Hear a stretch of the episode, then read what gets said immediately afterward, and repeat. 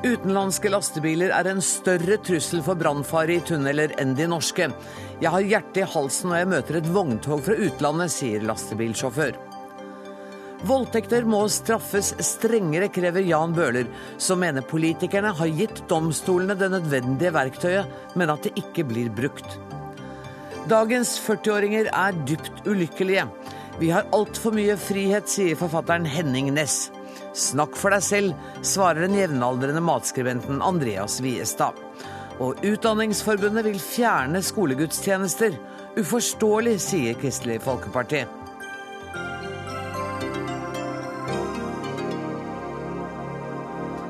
Dette er noen av sakene i denne utgaven av Dagsnytt 18, der vi også møter skuespiller Frank Kjosås, som nå er klar for å få oss til å le av Adolf Hitler.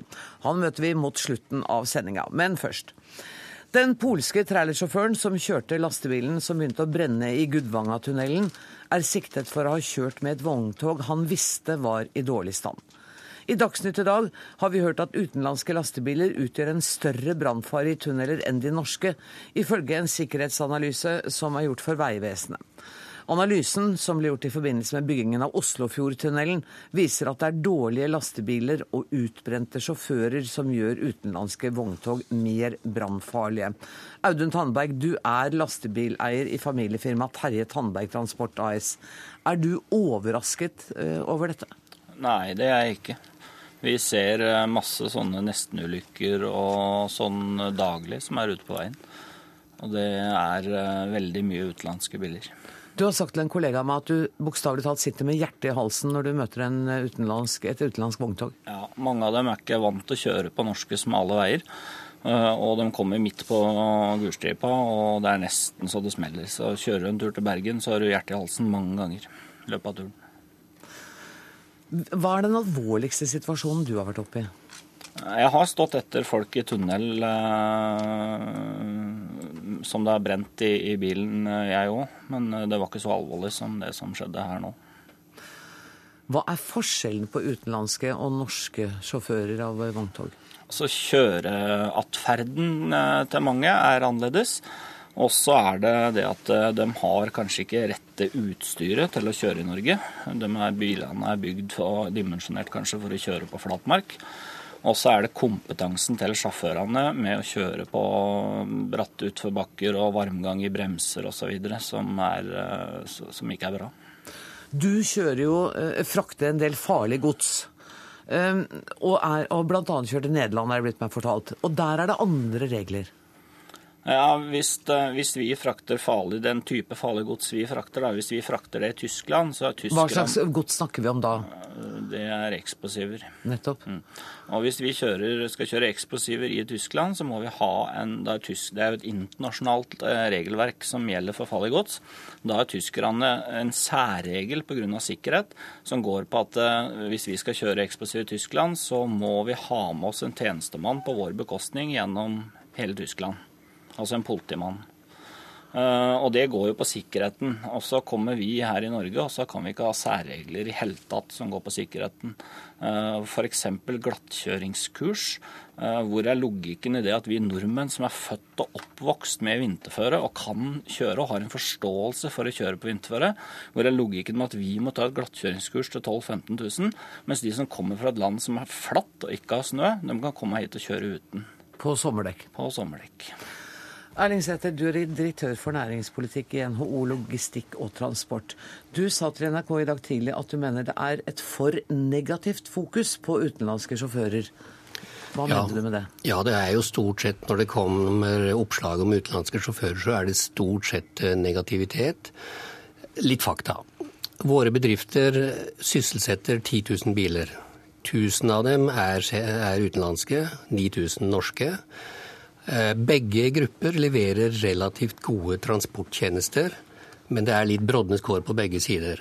Men når det er sagt, så skal jeg eh, gi eh, kollegaen her medhold at jeg tror at kompetanse og, tek og teknisk utstyr på utenlandske biler har en vei å gå i forhold til norske. Så det må vi ta ansvar for alle sammen, både myndigheter og vi som er oppdragsgivere. Ja, Og dere som oppdragsgivere, hva kan dere gjøre? Ja, vi jobber jo hele tida med det. Ja, Dere har jo ikke kommet noen vei ennå, da? Ja, det tror jeg ikke er riktig å si. Men vi sjekker altså terminalene. Når bilene er innom terminalene, så spør vi sjåførene. Sjekker litt uh, vognteknikk uh, og den type. Disse 1000 bilene som jeg fortalte om, de går stort sett på faste kontrakter inn og ut av Norge, og da er det mye mer kontrollerbart. Men av alle de mange, mange, mange millioner oppdrag som vi setter bort, eh, så nytter det ikke å kontrollere alt. Og i tillegg til det, den største volumet er jo da oppdragsgivere som er utenfor vår kontroll. De sitter i utlandet. Derfor så er oppskriften at i tillegg til det vi og lastebileierne gjør, og alle de andre, så må vi ha et mye større kontrollregime på grensepasseringene. Jeg tror kanskje at Erling Sæther eh, han sitter eh, kanskje mye på et kontor. Eh, nå skal ikke jeg jeg veit ikke jeg det, men Kjørt mye buss og lastebil, jeg, ja, Men hvis vi er ute på veien, så ser vi veldig mange av de nestenulykkene. Og de, får jo ikke, de blir ikke registrert noe sted. Uh, og det er det vi føler at det er mye av det. altså. Ja, nå har jeg hatt ansvar for utenlandstrafikken i Schenker i mange år. Så jeg tror ikke du skal sitte og si at jeg sitter for mye på kontor. Jeg er ganske operativt med. Ja. Men du er uenig i, i, i den virkelighetsbeskrivelsen. Administrerende direktør i Norsk Lastebileierforbund, Geir Mo. Dere vil gjerne ha strengere kontroll. Da er det ikke nok at de, kommer, at de får en kontroll på terminalen? Nei, det er ikke det. Det passerer eh, nesten 700 000 vogntog over grensa på Svinesund og Ørje hvert år. Statens vegvesen har 16 kontrollører til å kontrollere disse 700 000 vogntogene, pluss alt annet over 3,5 tonn som kjører i Oslo, Akershus og Hedmark. Så det sier seg sjøl at kontrollen blir for dårlig på grensa. Hva er din den, løsning, da? Eh, min løsning er selvfølgelig strengere kontroller, oftere kontroller, kraftigere reaksjoner, høyere bøter, tilbakeholdelse av, av førerkort og og bil og last inntil ting er gjort opp, og få de ut. Fordi Jeg er jo enig i at det, at, man, at det, kan bli mye fokus på utenlandske sjåfører, men vi må jo snakke om det som er problemet. Det hjelper ikke å skyve det under teppet og, og skjule det. Men er det, alle norske vogntogsjåfører Selvfølgelig så er det ikke det. Nei. Selvfølgelig er det ikke det, men det er som jeg har sagt i dag, at hvis du har fire gærne tenåringer i huset, så løser ikke det problemet å invitere fire til. Ikke sant? Du må jo rydde opp i det som er der. Og, og litt av det som er problemet her, er jo, som Audun Tandberg også var innom, det er selvfølgelig mangel på kontroll, det er mangel på kompetanse, og det er arbeidsvilkår for disse sjåførene og disse transportørene som er av en sånn karakter at de ikke har råd til å kjøre lovlig. De må kjøre NHO som oppdragsgiver sin skyld, da? Ja, det mener vi. Okay, og vi, vi, mener at oppdragsgiver, transportkjøper, må ansvarliggjøres og få et større ansvar. Det har regjeringa lovt flere ganger. Foreløpig er det ikke kommet nå, men det må på plass. Setter. Ja, det er, Mesteparten er jo da utenlandske oppdragsgiver som ikke er medlemmer hos oss eller under vår kontroll. Så når... selv om vi gjennomfører 100% kontroll på disse 20 millioner oppdragene som står i vår regi, så er det bare en liten del. Det betyr at uh, det viktigste nå er at i tillegg til det vi gjør, så må myndighetene sette i gang mye mer kontroller. Og særlig nå når det blir vinterdekkpåbud til vinteren.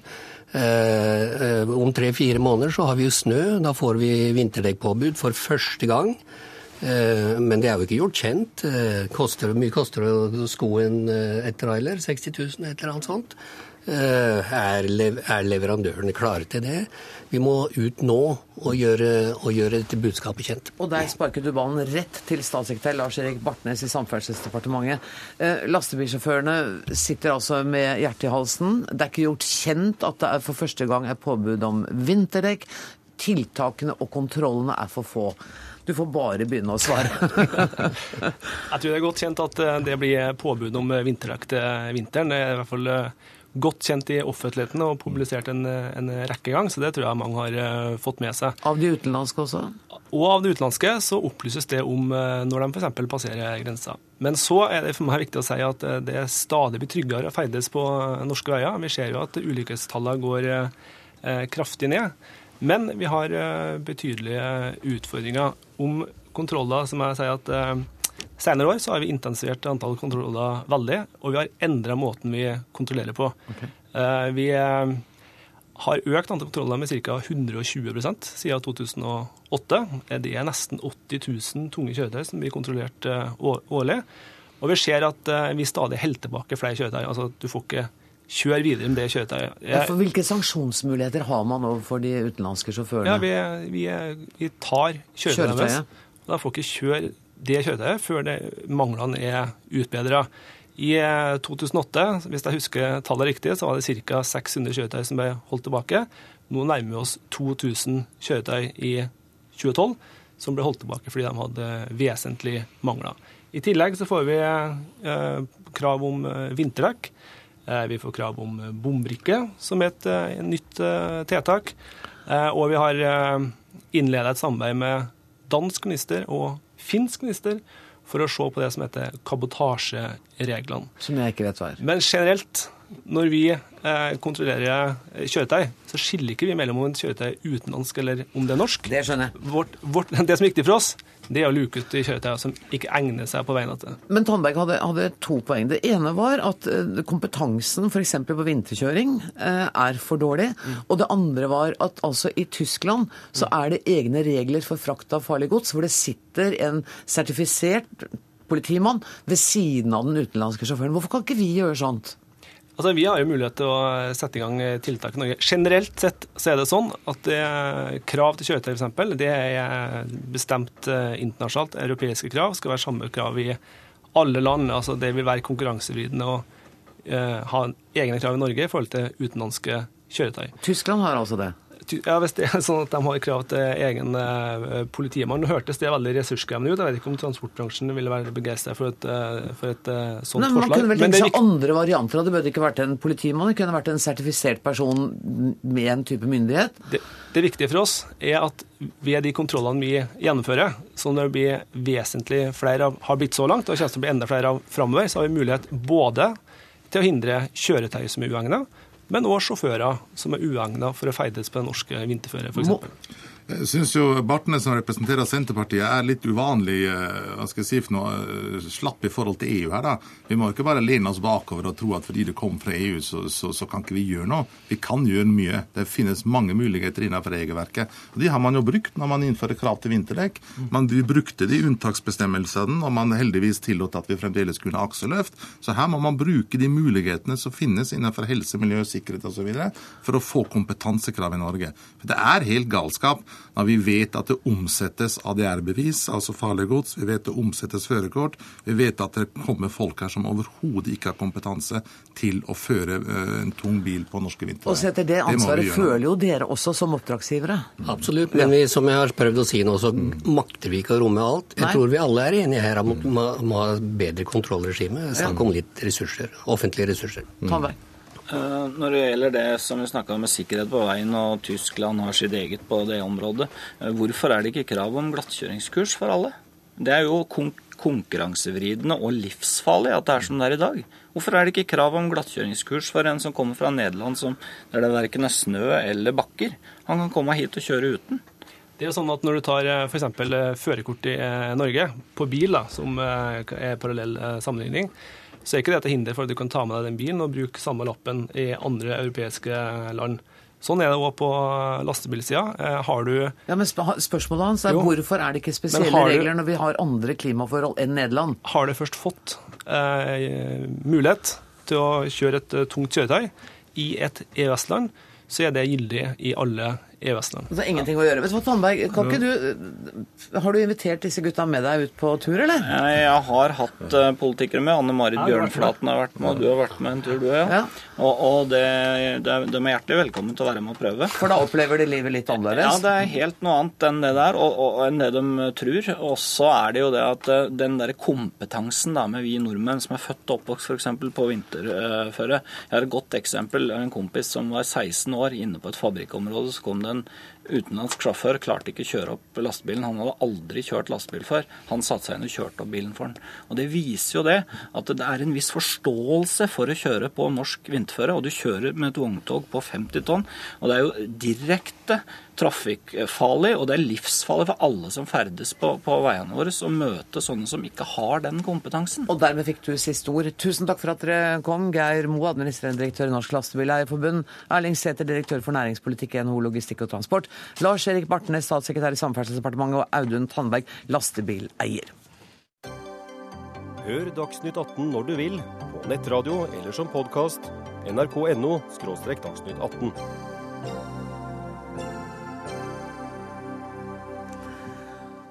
Voldtektsforbrytere bør straffes strengere, og det er ikke loven som er for mild, men domstolene.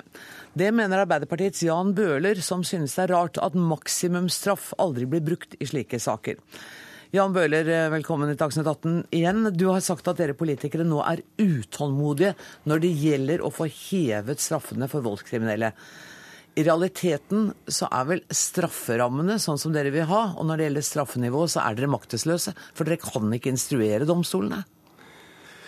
Nei, Vi har jo den uh, maktfordelingen i Norge at uh, Stortinget gir lover Nettopp. og strafferammer.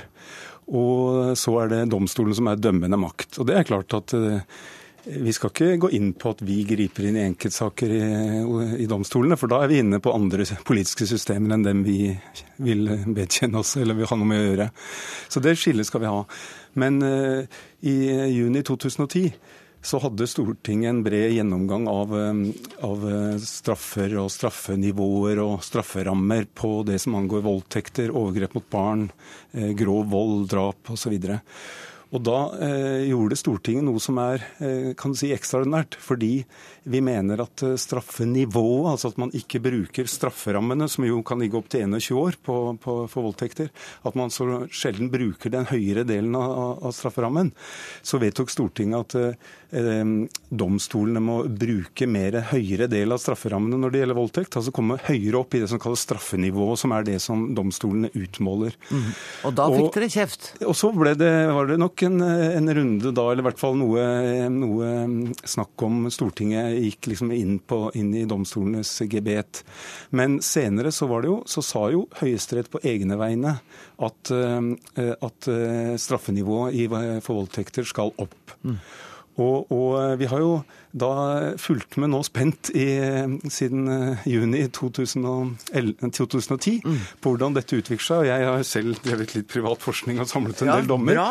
Og, og, vi, har også, vi skal etter hvert nå eh, utpå høsten få en analyse fra Riksadvokaten av hvordan eh, straffenivået har utviklet seg for voldtekter, sånn at vi kan få mer eksakt oversikt over det. Men hva er ditt Men, inntrykk? Mitt inntrykk er at det, det er litt uklart.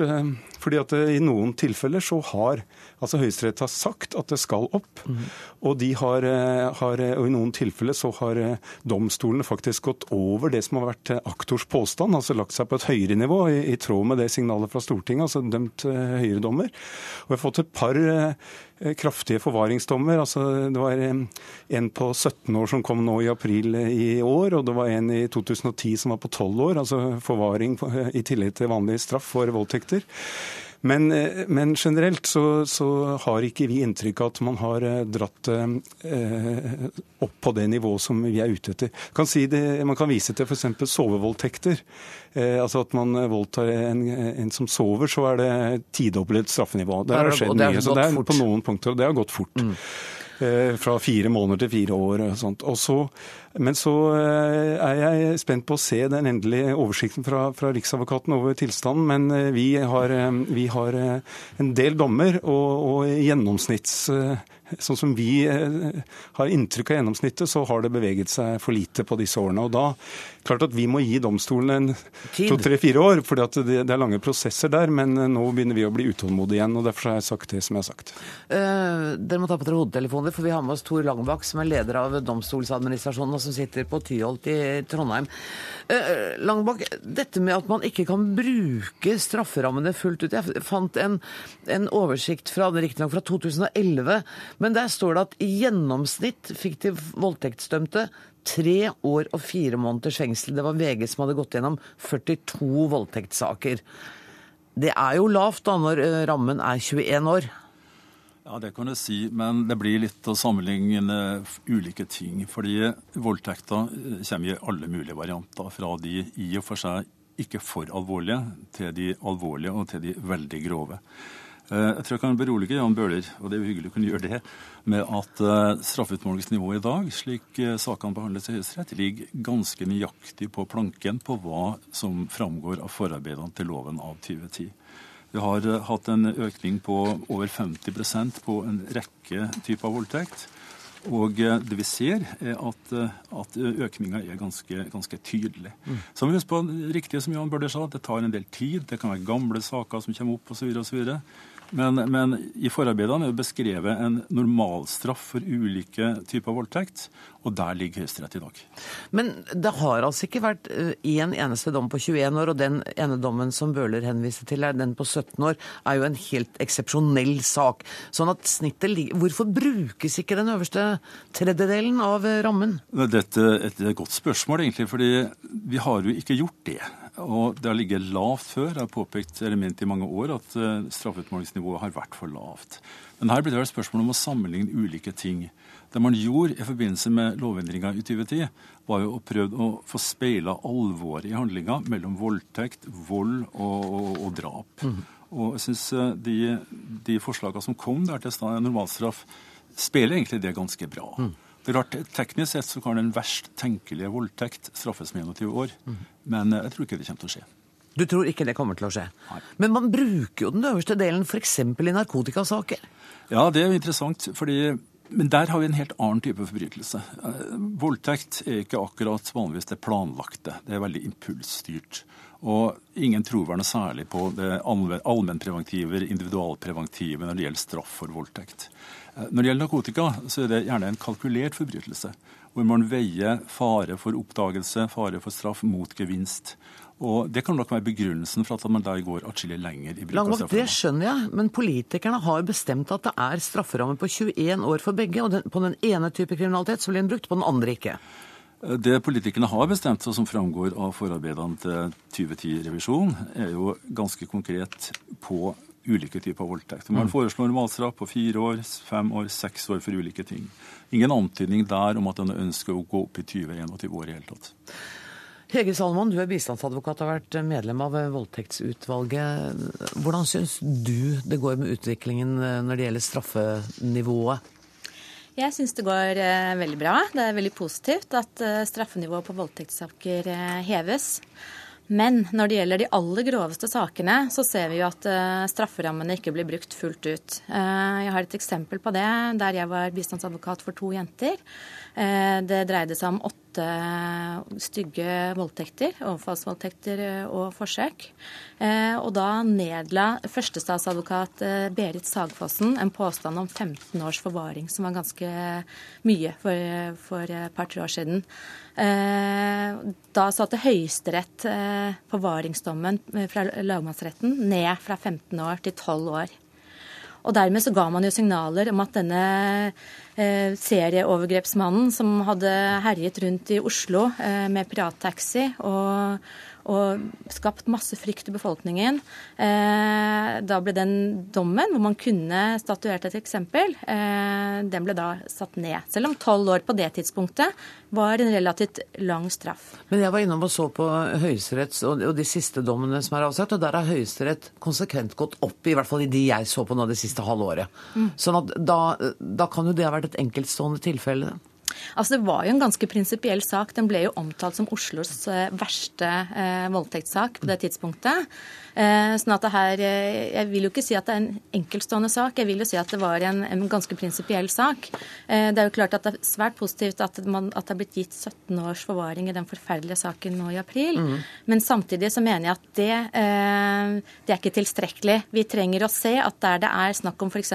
gjengvoldtektssaker, og der det er snakk om serieovergripere, og der det er snakk om gjentatte voldtekter av barn, så har vi fortsatt en lang vei å gå i forhold til å bruke hele strafferammen. Bølle.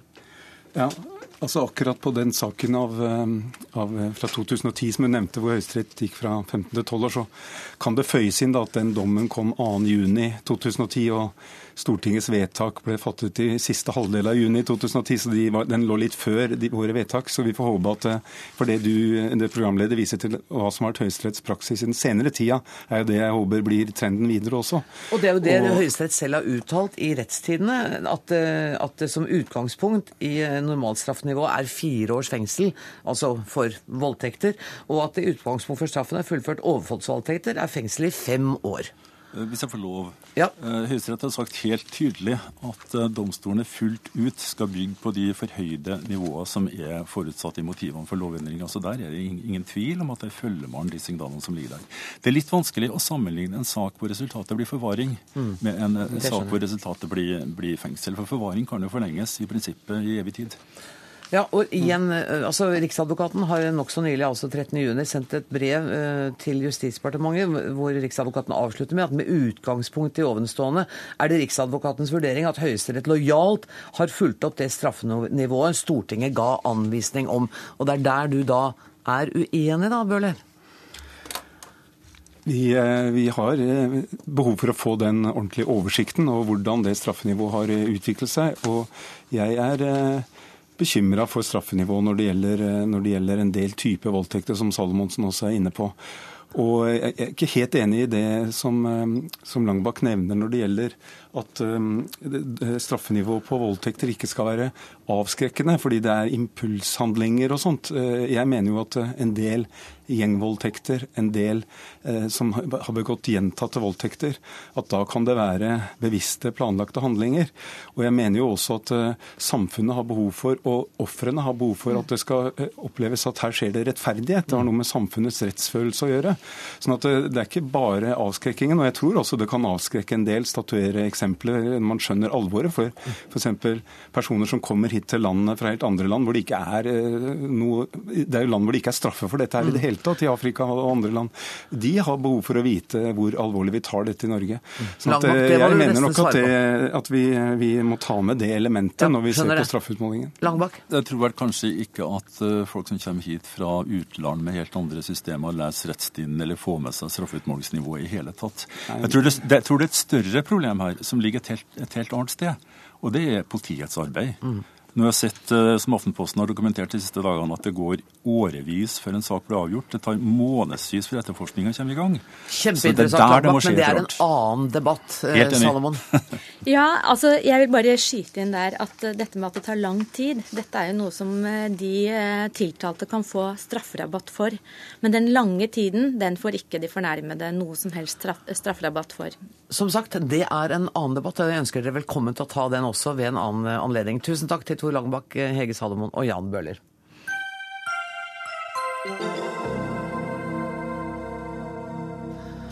Nå skal det dreie seg om en uh, muligens noe forsømt gruppe. For dagens 40-åringer har det ikke lett. De er bortskjemte og dypt ulykkelige. Problemet er den grenseløse friheten. Det skriver du i Aftenposten, Henning Næss, forfatter, 43 år, og altså født helt på tampen av 60-tallet. Jeg har lyst til å sitere litt mer fra et annet sted i denne kronikken. Sitat. Mange har fått nok.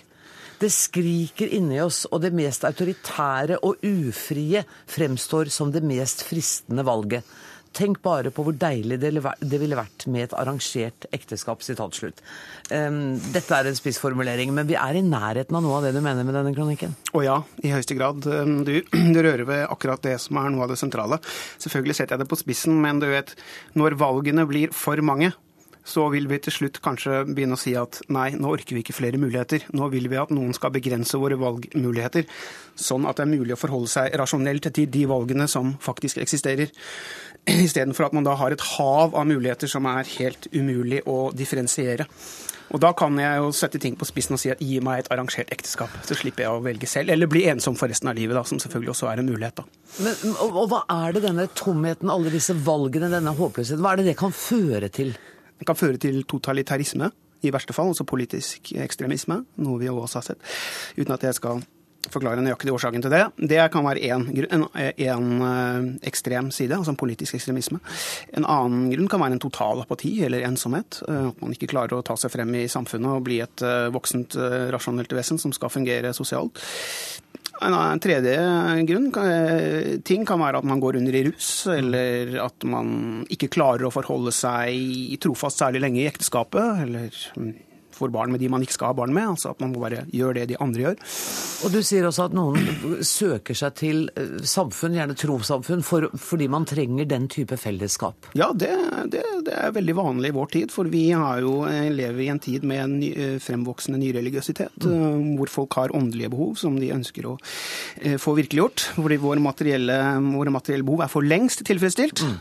Så da er det veldig mange av oss som søker i buddhistiske eller kristne retninger, eller i andre eh, typer samfunn. Ja, eller politiske. Andreas Wiestad, matekspert, restauranteier, eh, programleder, jeg vet ikke hva. Du er også mm, på samme alder, eh, og i en kommentar i dag skriver du at du er vokst opp i samme generasjon som Ness, men ikke i samme verden. Ja, jeg opplever jo at eh, friheten først og fremst har gitt det den skal. Altså, det har gitt mange muligheter. Jeg opplever at jeg ikke kommer fra en likegyldig generasjon, som Ness skriver om. Jeg kommer fra en generasjon hvor det er veldig mange som har gjort mange av de samme tingene som Ness skriver om. Altså gått på universitet, eh, gått og beitet i eh, mange muligheter. Men som nettopp har eh, endt opp med å gjøre mange forskjellige ting. tatt fordi en av de tingene som jeg syns Grunnen til at jeg lot meg hisse opp i sommervarmen av dette, var det der at den selvfølgeligheten han skriver om at dette gjelder vi, hele denne generasjonen. Jeg oppfatter at det ikke gjelder eh, meg, og det ikke gjelder de jeg kjenner. For jeg oppfatter at de fleste jeg kjenner, tar den friheten veldig på alvor. Og realiserer seg da på måter som ikke ville vært mulig å gjøre uten den friheten. At man, at man rett og slett tenker hva kan jeg gjøre for godt i, i denne verden? Og så kan man liksom noen ganger tenke altså Jeg føler noen ganger når jeg leste Ness, så tenkte jeg litt det derre Eh, jeg har venner som har barn som er eldre enn meg, eh, som har opplevd å, å være liksom på hytta med tenåringsbarn. og Fjorden ligger blank. Det er uendelige muligheter til å gå på fisketur, bade, til å gå på turer i mark, til å drive med mange. Og så ligger barna inne på sofaen og kjeder seg. Jeg syns at det er veldig usympatisk når man er tenåring, og jeg syns det er helt uholdbart når man er eh, noen og 40-åring. Uholdbart usympatisk? Ja, det kan godt være det. Men, men er det litt sånn sutrete? Er det, Syns du livet er litt eh, leit, da måtte du bare få det ut? Nei, det ligger mye dypere enn som så. Dette er eh, et forsøk på å vekke min generasjon. og det, altså, Når jeg sier min generasjon, så er det selvfølgelig folk som vil falle utenfor det. Det er umulig å ha med alle i et generasjonsbegrep. Men det viktigste for meg var at jeg selv skulle være med. Mm. Jeg skulle ikke anklage noen andre enn og så sette meg selv utenfor. Men, men, er det noen som har skyld i at du og deler av din generasjon opplever dette? Det er kun oss selv. Kun oss selv vi kan skylde på, vi har ingen andre å skylde på. Okay. Fordi vi har alle muligheter, så da har vi ikke noen å skylde på heller. Men, men, den faren du ser, er det også en fare Hvis vi går litt Du sa at det kan føre til totalitære ja. situasjoner. Ja. Blir det litt sånn ropet på den nye leder, vis oss vei, den nye Messias? Ja, det er I verste fall, men det er ikke noe jeg vil bifalle. Nei, det skjønner jeg. Jeg, jeg, jeg ser av kronikken av noen reaksjoner at enkelte, særlig det jeg skrev på slutten om eh, at eh, et, et geni vil kunne sette ord på våre eh, tankeformer osv., så, så roper jeg ikke etter noen totalitær leder, men jeg bare roper etter et menneske som kan sette ord på den generasjonens problemstillinger på en så grunnleggende måte at vi forstår hva det er vi er plaget av. For det har dere ikke noen anelse om nå? Nei, antagelig ikke. fordi vi ser jo så lykkelige ut på overflaten, og vi baker boller, og vi sykler, og vi går på ski, og det er liksom ikke måte på. Men jeg blir litt mistenksom når jeg ser den all aktiviteten. Jeg føler at det er en djevel som løper i hælene på oss. Men Andreas Wistad, du, du, kjenner deg overhodet ikke igjen i denne beskrivelsen. Og jeg synes det var interessant at du trakk fram eh, en bok av Erlend Loe, for, for, den kom for 15 år siden, um, som handlet nettopp om det der. At ja. alt er gjort. Ja, han, han opplevde han skrev en bok som het L, og da mm. var utgangspunktet litt sånn De som, generasjonen som kom før oss, de hadde oppdaget Nordpolen og Sørpolen. De hadde, det hadde vært eh, Thor Heyerdahl som hadde krysset eh, havet. Hva er det som gjenstår? Og da hadde han sitt eksperiment, hvor han, han og noen kamerater lå i hengekøye på en sydhavsøy og, og, og var redde for Lånekassen. Og så sa han liksom hva gjenstår for vår generasjon? I det minste hadde han en positiv eh, utfall. da. Han tenkte at han kunne lage vafler og gå på besøk. Og det er liksom på en måte å, å fylle et lite rom innen den tomheten. Men jeg mener jo at eh, når vi har sett verden og det er jo masse ting i verden som jeg håper at eh, du har fått med deg hvis du har aviser og slike ting. At det er eh, eh, urettferdighet i verden. Det, det fins massevis av folk jeg kjenner som går og engasjerer seg for det. Det går an å eh, eh En av de tingene jeg jobber med, er barn og matkultur. og Det høres ut som et sånn hyggeprosjekt, og det er det jo egentlig. Det er fantastisk inspirerende. Men det er også en måte å adressere noen av de viktigste utfordringene i dag. Miljøutfordringene. Utfordringene som er med en fedmeepidemi som kommer. Og når den kommer, så kommer det til å dramatisk redusere livskvaliteten til masse mennesker. Når man jobber med det, så er det meningsfullt. Så hvis du mangler mening vi, vi, har masse mennesker som jobber sammen med oss, mange av dem frivillig. Mm. Så du kan jo komme til oss hvis du mangler mening. Så er det sånn hønsehuset vårt trenger nytt gjerde. Hvis du har lyst, så kan du få lov til å spikre, hjelpe til å spikre opp det nye eh, gjerdet på det hønsehuset. Da er du med på et prosjekt som involverer masse mennesker, som har noen rammer, som gir mening. Så vær så god, kom. Vi skal ha med hammer og spiker og materialer. Og så skal du komme inn i en setting hvor du ser at det er en mening der. Ville det hjulpet på den generelle følelsen av tomhet? Nei, det ville ikke det. Det ville absolutt ikke det. Dette er sånn friskusmentalitet som jeg syns det er altfor mye av i Norge. Jeg, altså, jeg kommer fra en tradisjon med mye lesing og mye tenking og refleksjon. Og dette her er sånn type livsflukt når man skal løse alle problemer, gå en tur i skogen. Liksom, det syns jeg er helt, helt, overfladisk. Men bortsett fra det så vil jeg absolutt si at løsningene er hyggelige, de. Men de, de, de går ikke så veldig dypt. Eh, fordi jeg mener virkelig helt alvorlig at det er en, en, meningstomhet underliggende i vår generasjon som gir seg veldig skarpe utslag. Og jeg mener at vi har sviktet den friheten vi kunne ha brukt til, og da mener jeg den, friheten til å bli hele og fulle individer, og ikke bare være halve individer som inngår en masse kompromisser med samfunnet. Snakk for deg sjøl.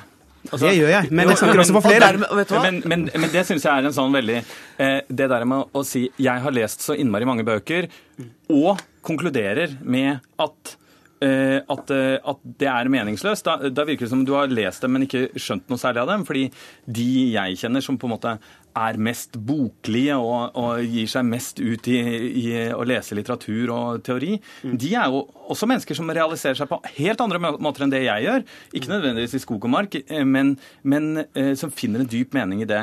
Men eh, vet du hva, jeg er nødt til å sette strek med Henning Nesta, så jeg tror du bare må fortsette letingen etter Kan jeg, kan jeg, bare, den, jeg, jeg mener det ene sitatet som jeg har fra Tom Lehrer, som jeg syns er veldig, veldig, veldig bra, litt pessimistisk i, i, i formen, men livet det er som en kloakk. Hva du mm. får ut av det, avhenger av hva du putter inn i det. At livet er en kloakk er enda verre enn noe jeg kunne ha sagt. ja, men du må investere, bare investere noe i det, så får du noe ut av det. Ja, mine herrer, jeg må si tusen takk for besøket. Takk til Henning Næss, og takk, takk til Andreas Wiestad.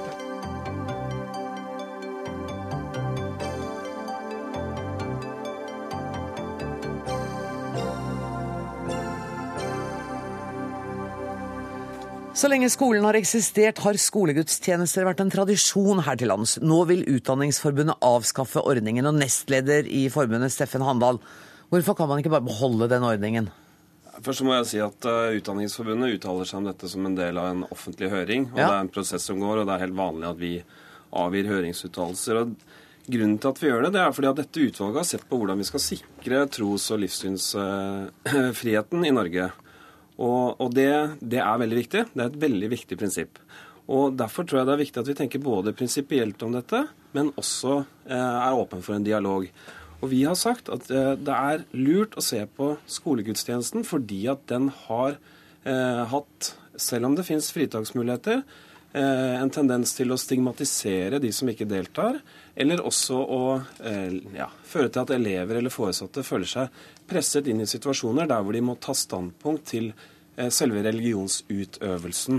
Men den det, det er helt om. frivillig, ikke sant? Å gå det, på den gudstjenesten er ingen plikt. Det er helt frivillig, og, og det, det, skal lages alternativer. Hvor reelle de alternativene alltid er, det kan vi godt snakke om. Men eh, hovedpoenget er egentlig at det kan oppleves, og det oppleves som et press og eh, stigmatisering å ikke delta. Og det, eh, det at noen opplever det, det truer Eh, både dette tros- og livssynsfriheten, men også kanskje den inkluderende skolen. Så jeg syns vi skal finne ordninger der hvor det ikke eh, blir en konsekvens. Har det vært en vanskelig stillingtagen for eh, Utdanningsforbundet, dette? Ja, det vil jeg si. Og, og det er klart at det, dette er kanskje ikke et sånn populært standpunkt, men det er en prinsipielt ganske viktig diskusjon. og jeg tror noe av det som kanskje har avstedkommet dette, det er jo at man fikk denne avgjørelsen om RLE-faget, altså det som nå er religionsfaget, mm.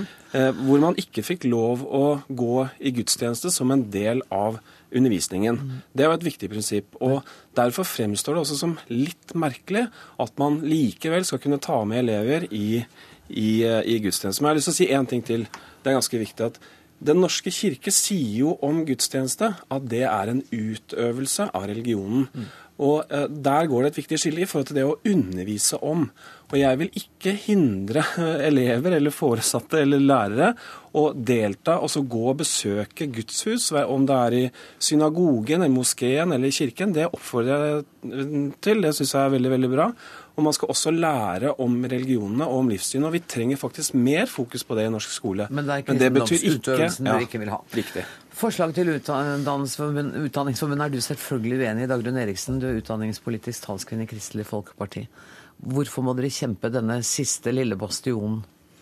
Nei, For det er det ikke den siste lille bastionen. I skolen er det det? I skolen, Nei, jeg syns vi vi har vunnet ganske mye. Okay. I den generelle delen av læreplanen så står det ganske mye om at vi skal lære om kristendommen, vi skal lære om høytider, ukerytme og alt det som handler om det. Og da blir jo spesielt skolegudstjenester kanskje litt viktige. For det er en del av vår, rituell, vår rituelle historie, våre tradisjoner. Dette har vi gjort, folk gleder seg til det, det hører med. Eh, det betyr at det er ganske mange som går til, i kirka julaften, som ikke går der til vanlig. Som har en sånn tradisjonsforhold til skolegudstjenester. Derfor syns jeg det er litt trist når Utdanningsforbundet nå går ut og sier at de vil fjerne disse skolegudstjenestene. Og så blir det litt sånn misforståelse, tror jeg, med den tros- og livssynsfriheten friheten. For det, det det ofte ender opp med, at det blir tros- og livssynsfravær. I redsel for at hvis ikke 100 ønsker å delta, så er det ekskluderende for de som velger å ta et annet standpunkt. Så tar vi det vekk fra alle. Og det blir for meg veldig sånn. Og jeg tror vi blir et fattig samfunn hvis vi flytter alt som har med tro og livssyn ut i, i liksom det skjulte rom, for at ikke vi skal støte de som ikke ønsker å delta. Det Men, mener vi er feil vei å gå. Har du sans for Handals argument om at det å delta i gudstjeneste da deltar du i en forkynnelse, altså ikke en orientering om religionen, men en utøvelse av den? Absolutt. Altså ja. Skolegudstjenester og gudstjeneste er en utøvelse. Men du kan være til stede på en gudstjeneste uten å være en deltaker som utøver sjøl. Du kan være en observatør. Eh, mens for Den norske kirke, for de som har disse skolegudstjenestene, så er det selvfølgelig en, en utøvelse. Men det er vel ikke farlig å kunne se utøvende troende. Det tror jeg vi trenger mer av. Og at ikke det er noe som flyttes inn i det private private rom. Eh, for det å være troende menneske, det gjør at du bare gjør ting og eh, sier ting som kan være annerledes enn det ikke-troende gjør. Og det er jo den dialogen vi trenger å få til sammen. Og nettopp skolen er jo en arena som skaper dialog. Og de samtalene du kan få både før og etter en skolegudstjeneste, er veldig bra. Mm. Eh, og den nye formålsparagrafen, bare avslutte med det, i den, den, første, den sier jo noe om at du skal ha en respekt for den enskildes i overtying. Nå tok jeg det på nynorsk i forbindelse med Ivar Aasen. Ja, men det er vi fornøyd med. men, det, men det betyr at den enskildes i overtying skal også ha en plass. Mm.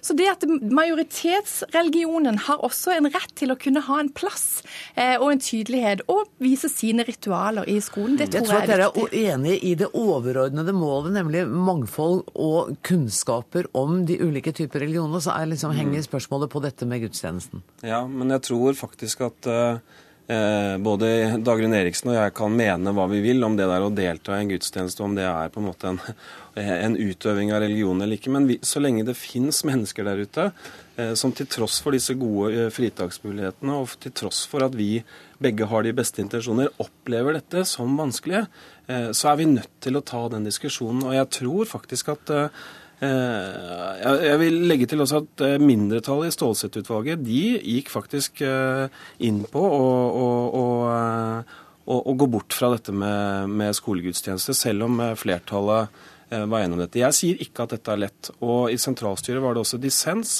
Eh, sånn at noen valgte faktisk å lande ned på, på flertallet i Stålsett-utvalget. Så her er, her er, det ingen konklusjoner, men en debatt som du sikkert også ønsker velkommen, eh, Dagrun Eriksen? Ja, jeg, jeg syns det er veldig bra. Også, men så tenker jeg litt det der, når, hvis det er noen som ikke vil delta, så skal vi hindre det for alle. Mm. Jeg ønsker at vi skal lære våre unger å stå opp for sine valg. Og da hender det jo da at hvis du sier nei til noe, så kan det hende at resten velger å gjøre det annerledes. Og det, det er også valg vi kan ha i skolen. Det kan hende. Tusen takk for at dere kom, Steffen Handal og Dagrun Eriksen.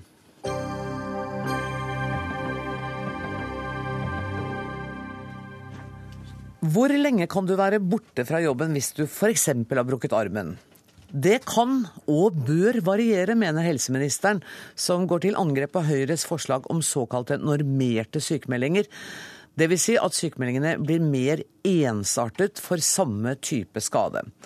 Og hvorfor blir du opphøyd, eh, opphisset Ikke opphøyd, jeg håper ikke du oppfatter deg som opphøyd, Jonas Gahr. Hvorfor blir du så opphisset over Høyres forslag? De vil jo bare redusere de forskjellene, de store forskjellene lokalt og geografisk som vi ser nå. Jeg blir ikke så opphisset, men jeg syns det er en sak vi bør debattere, for det er viktig. Ja. Uh, og jeg er også opptatt av at vi bør ha mest mulig likeartet sykemeldingspraksis for like tilstander. Men mitt poeng har vært at folk er forskjellige, og vi lever andre liv. Og det å ha en brukket arm hvis du jobber et sted hvor du må bruke armene, og et sted hvor du må bruke dem mindre, det er forskjellig. Så jeg, vi jobb, gjennomfører jo nå, og, uh, sammen med Arbeidsdepartementet og Arbeidsetaten, prosjekter for at legene kan få god veiledning i hvordan de sykemelder. Men Høyre har jo et forslag hvor man skal da normere sykemeldingene, slik at én tilstand gir én type uh, sykemelding. Og så har de konkludert med at det kan de spare en halv milliard på. Og Det mener jeg er en feil eh, tilnærming til eh, et så eh, vanskelig spørsmål. Men altså, jeg lurer på om vi ikke har lest helt samme, for Så vidt jeg leste Høyres programforslag, så, så står det der at denne regelen skal være veiledende, og at det er viktig at det tas individuelle hensyn. Ja, og det, og, og det er bra. Så da kan teksten se nesten ut sånn som det er nå. At ja. legene får eksempler på hvordan man kan behandle en type sak. Men de har altså konkludert med i sitt alternative budsjett at dette vil de spare en halv milliard på. Og jeg mener at normerte sykemeldinger, hvis man skulle komme til det og si at uh, den type uh, tilstand gir den type sykemelding, kan faktisk føre til at det blir dyrere. For du kan risikere at du da sier at her er rådet at du bør være tre uker borte, mens legen sitter og ser en pasient og sier at du kan gå mye fortere tilbake til jobb. Så jeg, jeg har litt problemer med å se at når de da kan konkludere med at det skal spare en halv milliard, uh, så lurer jeg på om det er mer hensikten enn at du skal få lik praksis. Og der kom spørsmålet til deg, Bent Høie, helsepolitisk talsmann i, eh, i, Høyre. Hva er hensikten? Spare penger, eller at det skal bli lik praksis? Ja, først vil jeg si at jeg er glad for at helseministeren nå går vekk fra den feilaktige påstanden om uh, vårt forslag, nemlig at uh, legen skal se mer på et skjema enn å se på den konkrete pasient. Høyre legger opp til et uh, system der en skal ha en individuell behandling, og der det er legen som har siste ord i vurderingen av, av dette i møte med pasienten. Men det som jeg ser, og jeg eh, ser òg at Støre gjør det i sin artikkel, problematiserer at praksisen er veldig ulik. I Vestfold er sykemeldingstiden for en skulderskade i, eh, i gjennomsnitt over 100 dager, mens i Telemark er den litt over 53 dager. Dette kan ikke forklares på noen annen måte, at her er det veldig ulik kultur og praksis når det gjelder sykemelding. Og Det vi da har sagt, det er at den veiledende sykemeldingsperioden det må mer systematisk bli et krav til at legene faktisk følger opp og bruker aktivt eh, i mye større grad enn det som er tilfellet i dag. Og Det vi er overbevist om vil eh, føre til at eh, sykefraværet går ned. Noen leger sier jo at i møte med pasienten, som da presser på noen tilfeller for en lengre sykemelding, så kunne det vært et nyttig redskap å kunne sagt at nei, men den veiledende sykemeldingsperioden for denne, denne, skaden er faktisk ikke så lang. Så vi, denne sykemeldingsperioden får vi starte med, så får vi se hvordan det går. Jeg skal bare gjenta, reformulere og gjenta spørsmålet fra helseministeren. Er det penger eller pasienten som er det viktigste her? Det viktigste er pasienten, men det er de to tingene henger sammen. fordi Erfaringen vi vet òg er at eh, til lenger en går sykemeldt, til større er sannsynligheten for at en ikke kommer tilbake igjen i arbeid. Og er det noe som er eh, både skadelig for den enkelte og den enkelte familiens økonomi, men òg ikke bra for helsa, så er det å være ute av arbeid hvis du kan være ja. i arbeid. Og Det gjelder ikke det minst den pasientgruppa som eh, helseministeren trekker fram i sin artikkel. Mange som er, har psykiske helseplager, hadde hatt godt av å vært på arbeid og vært sammen med kolleger. Der er dere helt enige, helseminister? Ja, altså ikke, Vi bør ikke bruke tid på det, Høie. Det er vi helt helt enige i. Og det er samfunnsøkonomisk lønnsomt at du kommer fort tilbake i jobb og osv.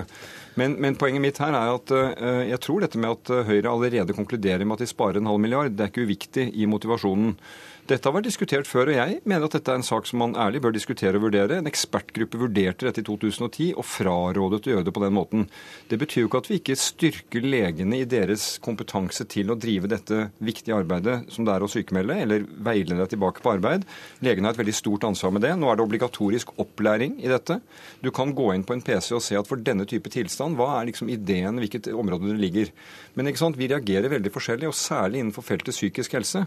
Hvis du har opplevd noe som er veldig traumatisk, så vil du og jeg kunne reagere forskjellig. Og det må, det må legen se. Mm. Og han må se det enkelte mennesket, og så har han forhåpentligvis god kompetanse til å vurdere. Og da er jeg redd for et system hvor han sier at jo, men det står i normen at det er tre uker.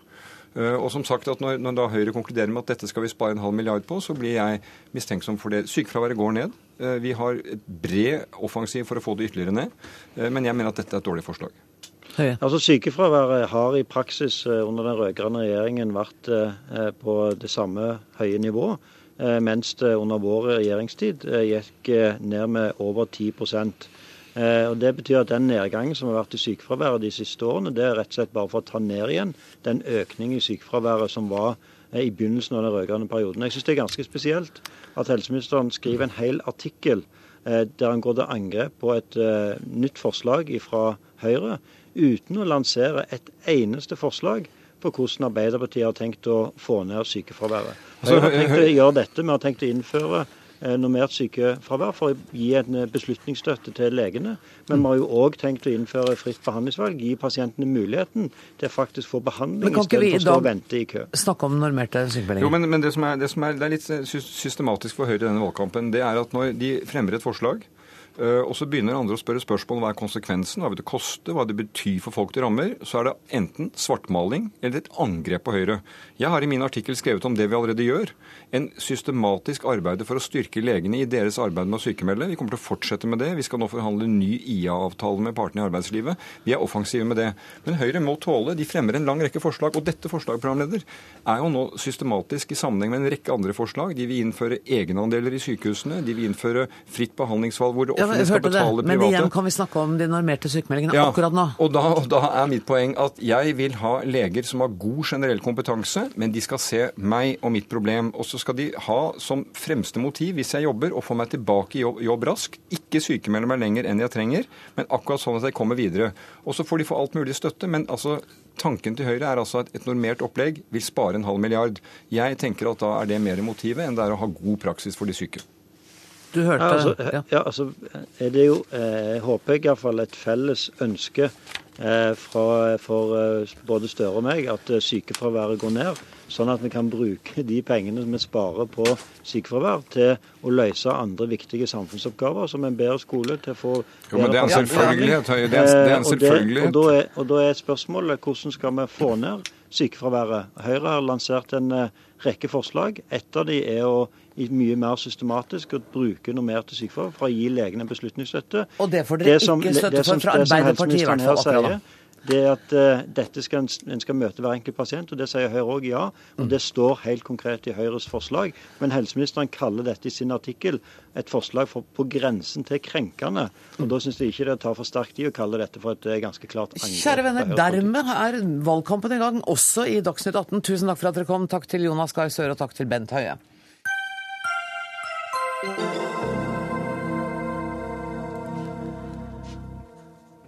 mye fleip om Hitler kan vi egentlig tåle? Ganske mye, ifølge Det Norske Teatret, som setter opp forestillingen Mein Kampf av den jødiske forfatteren Georg Tabori. Velkommen til Dagsnytt 18, Frank Kjosås. Tusen takk. Du spiller Adolf Hitler. Ja. Da du ble bedt om å ta den rollen, var det med litt blandede følelser du sa ja til det? Eh, ja, nå eh, blir man jo satt opp. Og man blir satt opp. Ja, Man får ikke muligheten til å si ja eller nei. Er det sånn at du, at du finner navnet ditt på ei liste, liksom? Ja, det er det. Og så er det oh. sånn at regissøren kommer inn på teateret og ser hva vi gjør, og så, eh, og så eh, kaster han de rollene ut ifra hva folk gjør på teatret. Men eh, jeg må innrømme at når Eh, når jeg fikk vite at jeg skulle gjøre den rollen, så ble jeg litt sånn eh, Jeg håper det ikke er en dokumentar.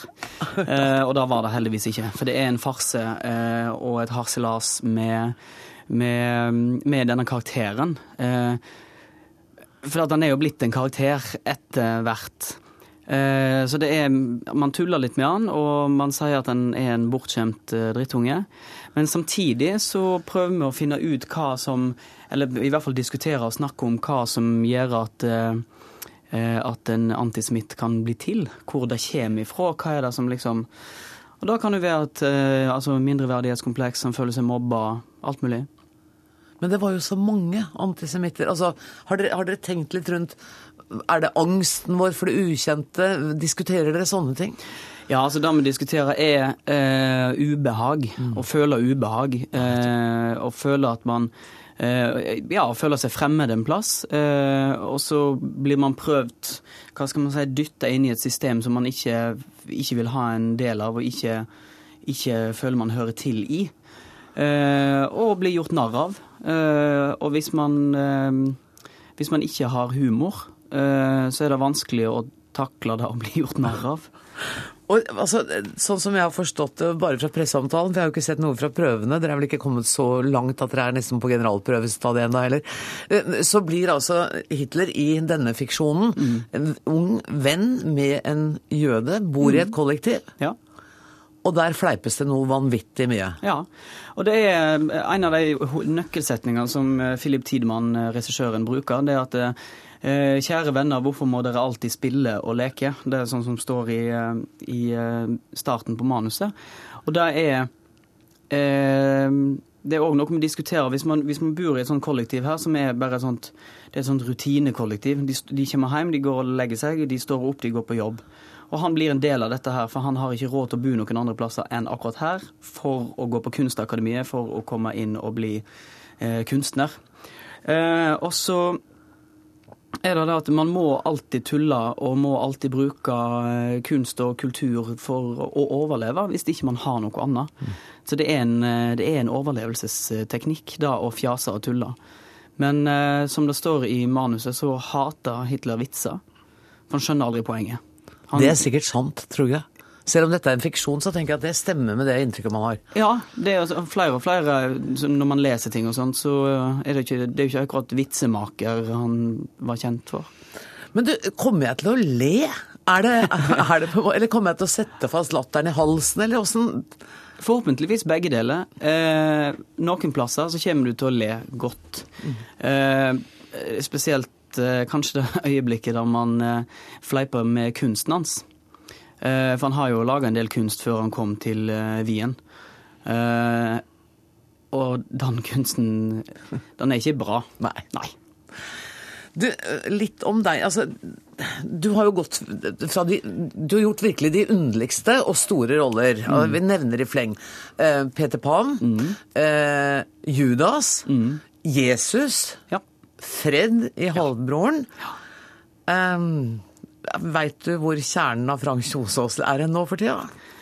Eh, nå for tida er den fremdeles litt sånn, eh, hva skal man si, feriebakrus. At man har, ikke helt skjønt er det ferie eller er det jobb, eller er det, for det er fremdeles varmt ute. Det burde jo være kaldt.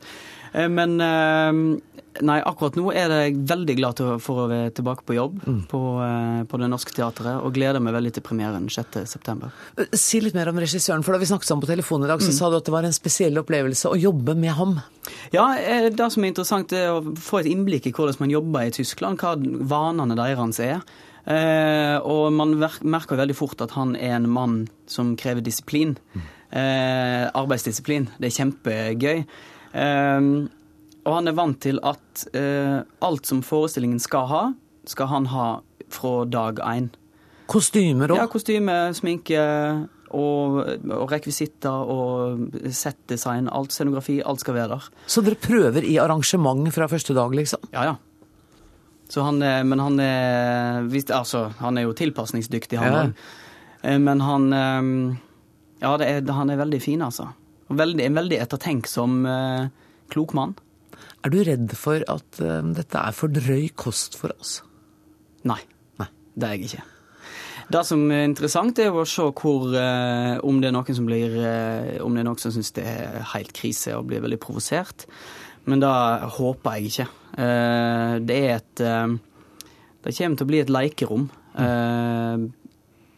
som forhåpentligvis vi utnytter på en teatralt god måte.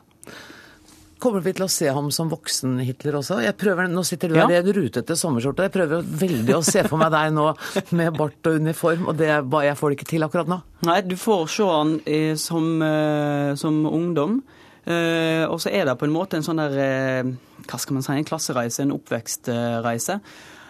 og så får du se han ifra han, var, ifra han kom ifra Braunau Amin til Wien, og til han drar til slutt ut for å for å, som han sier, redde hele verden. Det er premiere 6.9. Jeg tror ja. det er eh, all grunn til å gå og se denne forestillingen. Tusen takk for at du kom til Dagsnytt 18, Frank Solsås. Jeg skal bare fort skynde meg å fortelle at ansvarlig for sendinga i dag var Siri Storstein Hytten. Det tekniske ansvaret det ligger på Frode Thorshaus skuldre. Jeg heter eh, Anne Grosvold og går alt som det skal, sa jeg i dette studioet gjennom 23 timer. Takk for nå.